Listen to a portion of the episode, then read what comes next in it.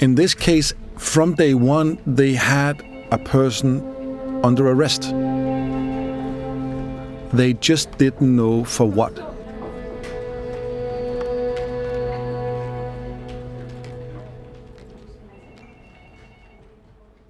This is Behind the Investigation, a podcast about the genre defining new crime drama that tells the story of the investigation of Swedish journalist Kim Wall's murder. I'm your host, Anna Kojo and this is episode two. The TV series The Investigation looks at the police work that went into solving the case of Kim Wall's death. In particular, it focuses on Jens Møller, the Copenhagen police homicide chief who led the investigation and who was played by the actor Søren Malling in the TV series. Within hours of the story breaking, the case captured the world's attention, and Jens found himself caught in the glare of the global media spotlight. At the same time, he also faced unprecedented challenges when it came to actually recovering evidence to secure justice for Kim. I'm delighted to be joined by the real life Jens Møller. I also have Tobias Lindholm here, who you will remember from episode one as the Oscar nominated Danish screenwriter and film director, who wrote and directed the series. A quick warning before we go on that this show does talk about a violent crime, which some listeners may find distressing. I also wanted to note that while the investigation is based on real life events, there are some spoilers for the TV show in this podcast. Jens and Tobias, welcome to you both. Thanks, Anna, and thank you so much for having us. Jens, could you please tell the listeners in your own words who you are and the role that you played in this case? My name is Jens Møller Jensen, and I worked for the Danish police force for over 37 years. I was an investigator for 30 years, and for about 25 years, I was the head of investigation. So, this case was widely known as the impossible case, and we really get a sense of that in the second episode of the show, which in many ways just feels quite hopeless as we still don't know what's happened. There's no sign of Kim. And we learn from the prosecutor that the burden of proof on them is huge, and they currently don't have anything to build a case with. Jens, your character sums it up when he says, We have absolutely nothing. Could you tell me what it was about this case that first captured your attention? And why did you decide to take a case deemed impossible? I'll start by mentioning that it wasn't a choice for me whether I wanted to work on the case. Being head of homicide in Copenhagen meant that I had to do it because the police must investigate every case involving a murder or a disappearance. On the one hand, the case was simple. Two people went out in a submarine and returned with one. The person who returned had to know what happened to the person who didn't return. On the other hand, the challenge for us was to work out what had happened to the missing Kim Wall, and of course, we had to prove our theories with evidence. This is the challenge that Tobias Lindholm describes extremely well, and which is very difficult for us. We can theorize and hypothesize and piece it together bit by bit but it takes a long time due to the fact that it involves many different teams and departments. Usually, my crime scenes involving a person deceased are in parks or in a flat, or somewhere accessible that I can deal with. In this case, the crime scene was in 12 meters of water and was filled with 38,000 liters of water. And it would be around two days before I had access to the crime scene. That's a very big challenge, as I had to bring the suspect to court. I couldn't access any information from the crime scene before I had to bring the suspect in front of a judge. Anyway, the suspect was taken to court and remanded in custody on the basis of suspected murder, and after that, we finally received the go ahead to start our 24 day long police work. That point where the prosecutor comes back and says that they have that four week detainment period feels like a very crucial point because by this point, we've learned that there there isn't much evidence to go on neither for the police nor for the prosecutors. So how significant was that moment when the accused was detained for that four week period? This changed everything for me. I had feared that we would only keep the suspect for a period of three days and would simply not have enough time to investigate properly. The submarine appeared on a Friday, and we would have had to work through the weekend under great pressure whilst trying to get some evidence backed answers. However, in the end, we got four weeks, which meant that we could do an in depth investigation across all areas and take the time needed. So we already have the scene set that the pressure is mounting in terms of the evidence and the time to gather more of it. But also, when the story of Kim Wall's disappearance first broke, it was immediately all over the news. And we see this captured in the second episode of the show. The press is constantly calling Jens's character's phone. The tabloids want to print unconfirmed rumors about Kim. Jens, why do you think that this case captured the world's attention in the way that it did?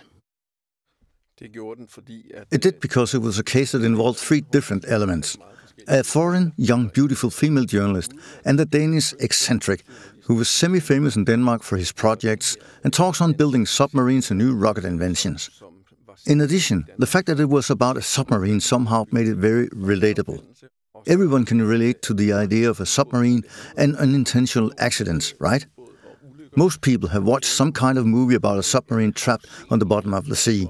So these three elements combined resulted in immediate world attention from the very beginning. That was perhaps also due to the fact that, from the very moment the surviving person was brought to the shore, TV cameras were already there. They captured the whole scene, including the survivor's weird account. This meant that the people watching were able to get an instant, real life feeling for what had just happened, which definitely generated immediate worldwide interest.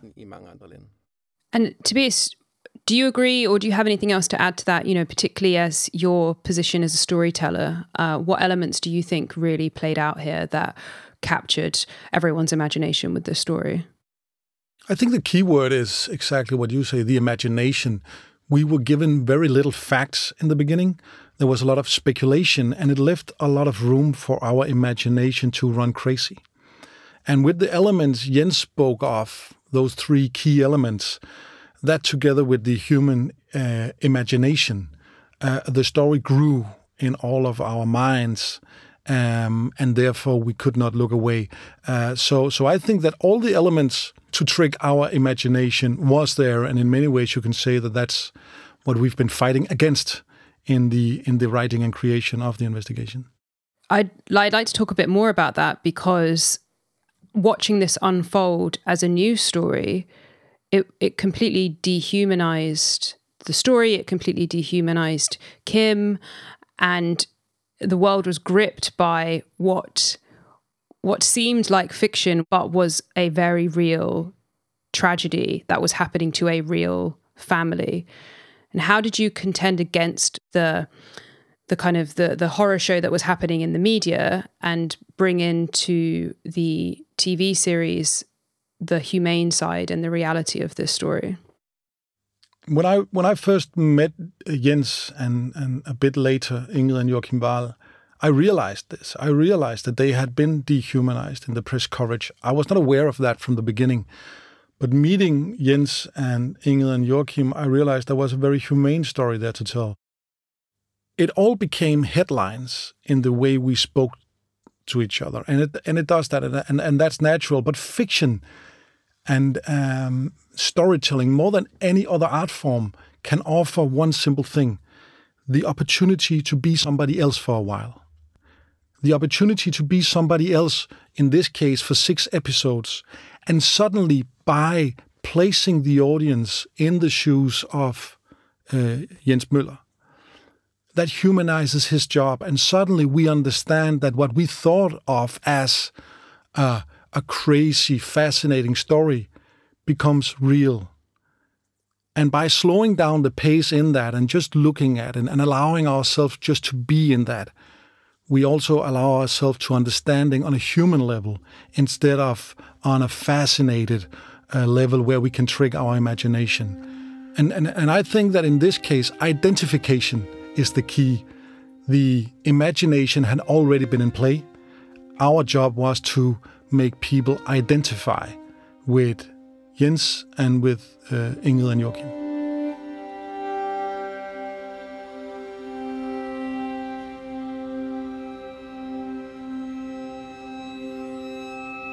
some of the ways that I feel that really came across in the series are just the small, tiny details where you really see the the the the normal and complex nature of being a human.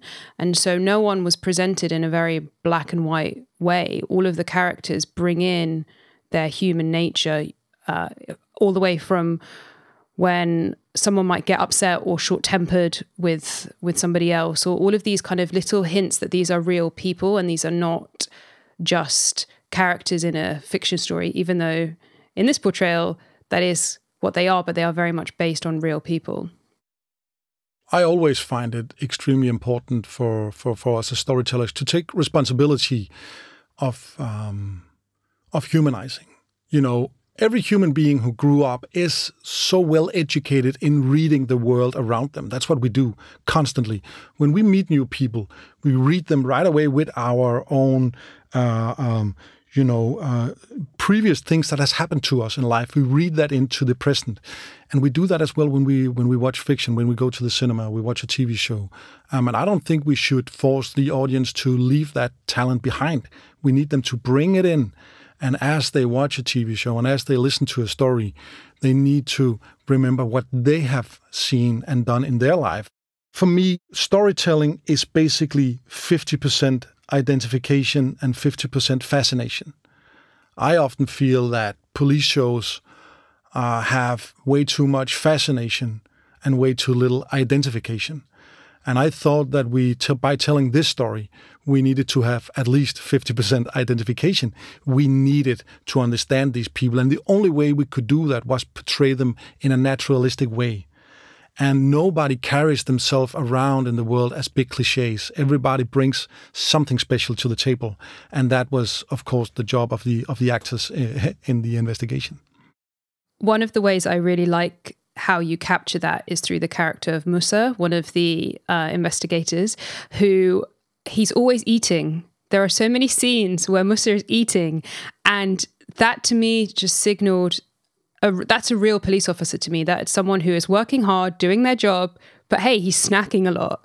Um, and uh, it was those, it's those small little uh, crumbs that you leave throughout the series that really bring these characters to life. And I don't know, um, maybe Jens can answer this. Is do, do you feel that the show really captured what it was like behind the scenes in a police station and how the investigators work together, and particularly in the scenes where the characters were struggling to find something, they were um, poring over evidence and just uh, in many in, at many points not even actually making that much headway. Is that something that actually happens in a real police investigation Yes, it's very accurate. The way that Tobias describes all of this is very, very authentic. I've had so many people within the police force getting in touch to say that this is the most authentic show they have ever watched, from the realistic way the police are represented through to demonstrating the work they do. I personally love the characters because for me, they all represent the great supportive team within the police force that helped to investigate and solve the case. The way they're shown in the series is absolutely amazing, very realistic and authentic. I'd like to add something in regards to the media. The first court hearing was a private hearing where the press only was allowed to hear the charges against the suspect and the judge's ruling. They didn't hear the explanation from the suspect. And this meant that a kind of your world, your rules situation occurred, the media, and everyone following the case began making up their own stories and let their imaginations run wild. And the imagination can sometimes be much worse than reality. What kind of impact does that have on the investigation itself and working under these conditions where there is such intense speculation from all sides, uh, also, you know, all around the world there's it's not just local press it's international press and there is just non-stop speculation what impact does that have on being able to conduct a police investigation a direct consequence for me was that I began receiving calls from many, many journalists from all around the world at all sorts of hours. The Danish journalist, whom I know well and have a good relationship with, only called between 7 a.m. and 10 p.m. But the international journalists, who perhaps are used to a different system and other way of doing things, called anytime, night or day, 24 7. Obviously, this meant that even such a simple thing as being on the phone became highly stressful for me. It also meant that we, to a certain extent, also had to deal with all the rumors circulated by the media. But another thing it meant was that the friends and relatives of the suspect could maintain their own ideas that perhaps he wasn't guilty, or that there had to be another explanation in regards to his role, when they didn't know the answers to what he himself has explained, and because we couldn't divulge anything. So it also meant that it was difficult for us to get his friends to speak with us initially, because they didn't know the truth, and therefore still could maintain their belief that the suspect was innocent.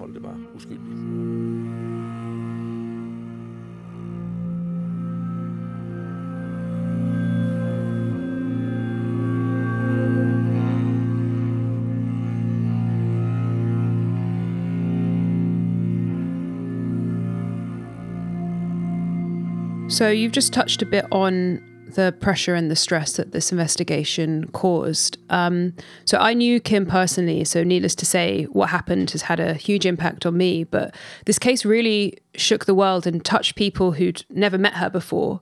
For you, Jens, how did working on this case and also subsequently this the TV series, how did it impact your life?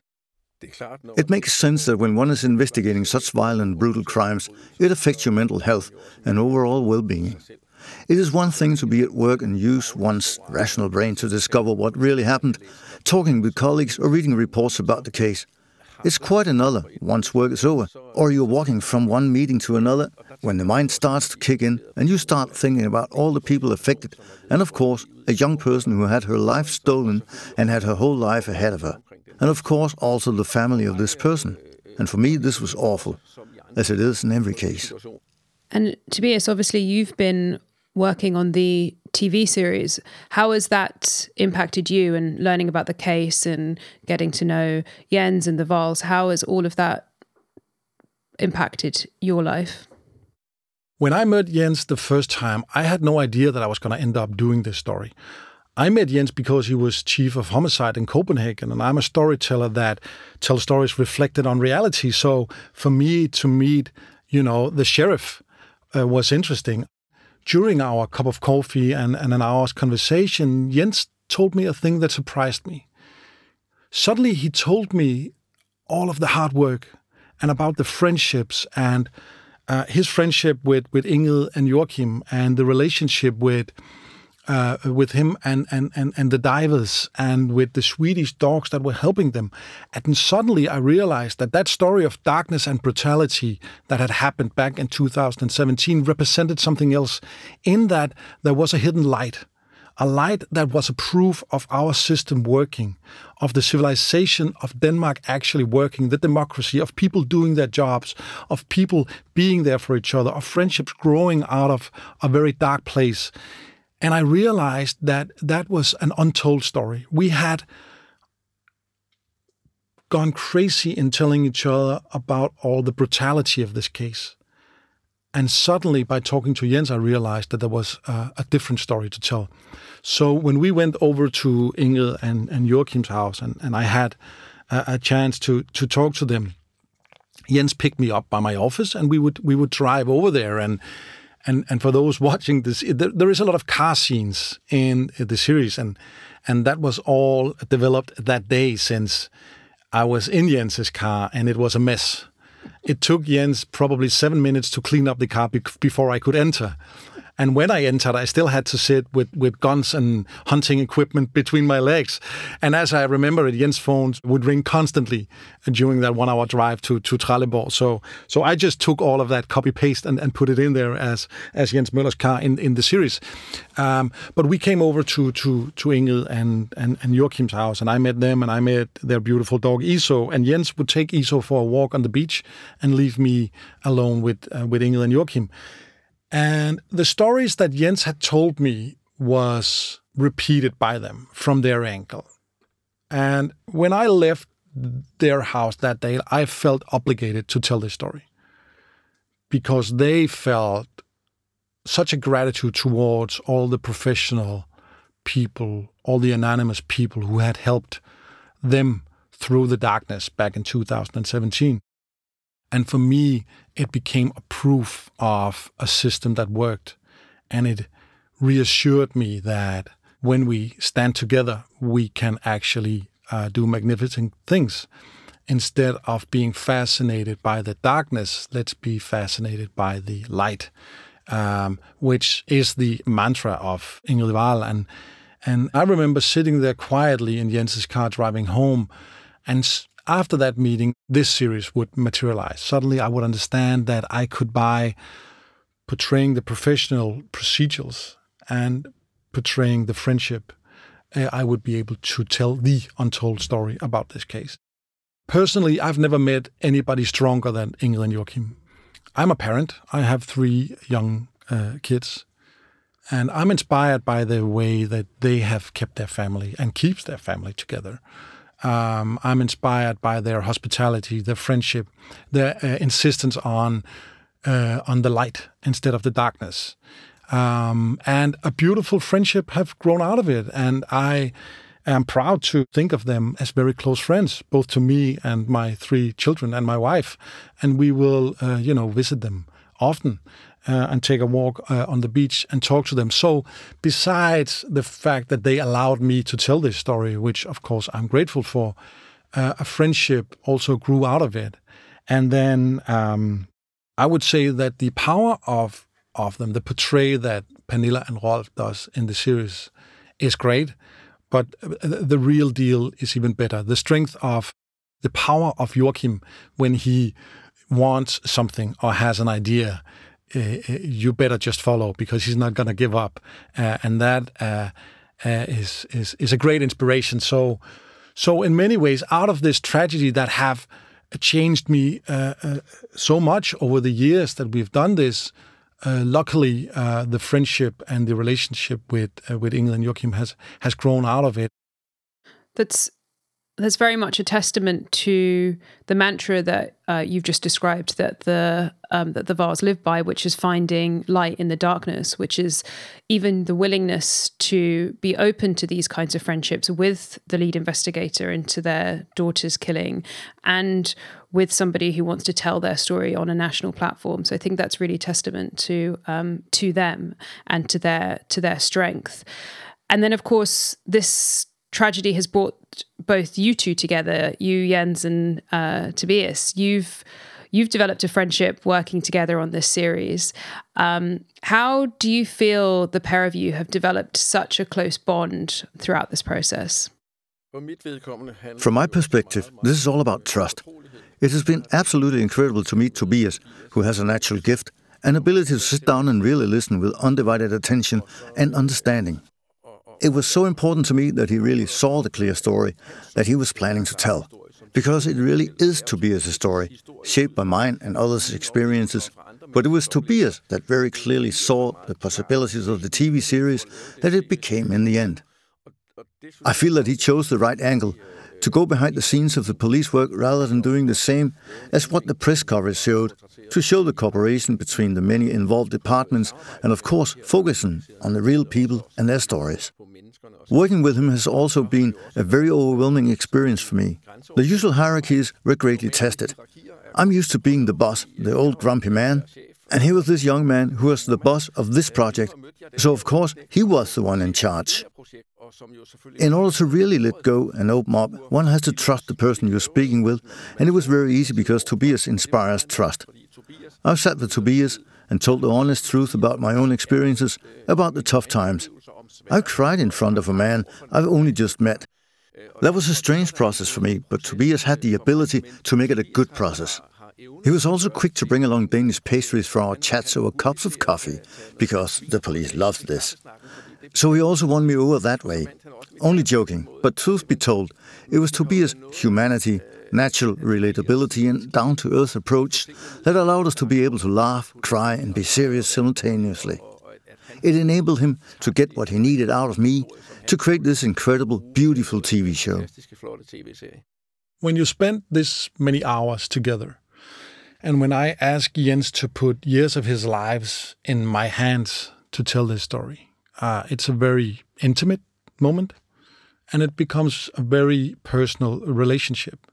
Um, and a, a, great friendship have grown out of that, and, and that reaches further than a TV show. It's kind of you skip, you know, 20 years of friendship, and then you just jump right into the most intimate facts about your life and you spend hours and hours talking about that. So it's an unnatural uh, situation that you need to make natural. So, from my perspective, Jens is a generous, very, very easygoing uh, person.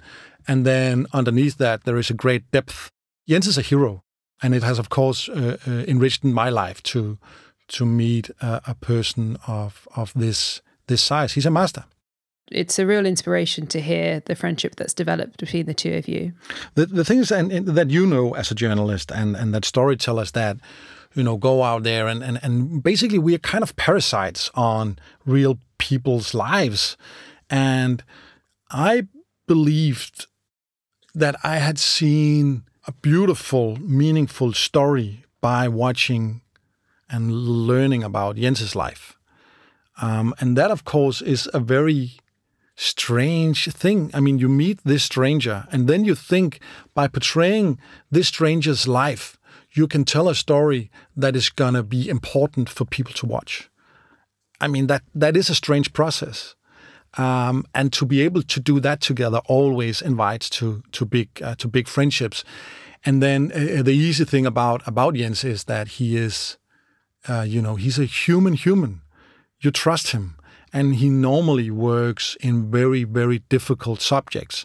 And he is the master of very difficult conversations, clearly, as he is in in the investigation as well. And I've learned one thing from Jens that I have brought uh, with me in my life outside of the show, and that is don't no beat around the bush. Just say it as it is.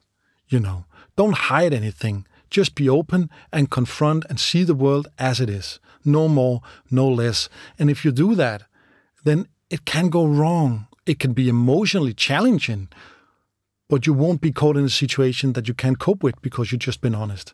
And that sounds easier than it is.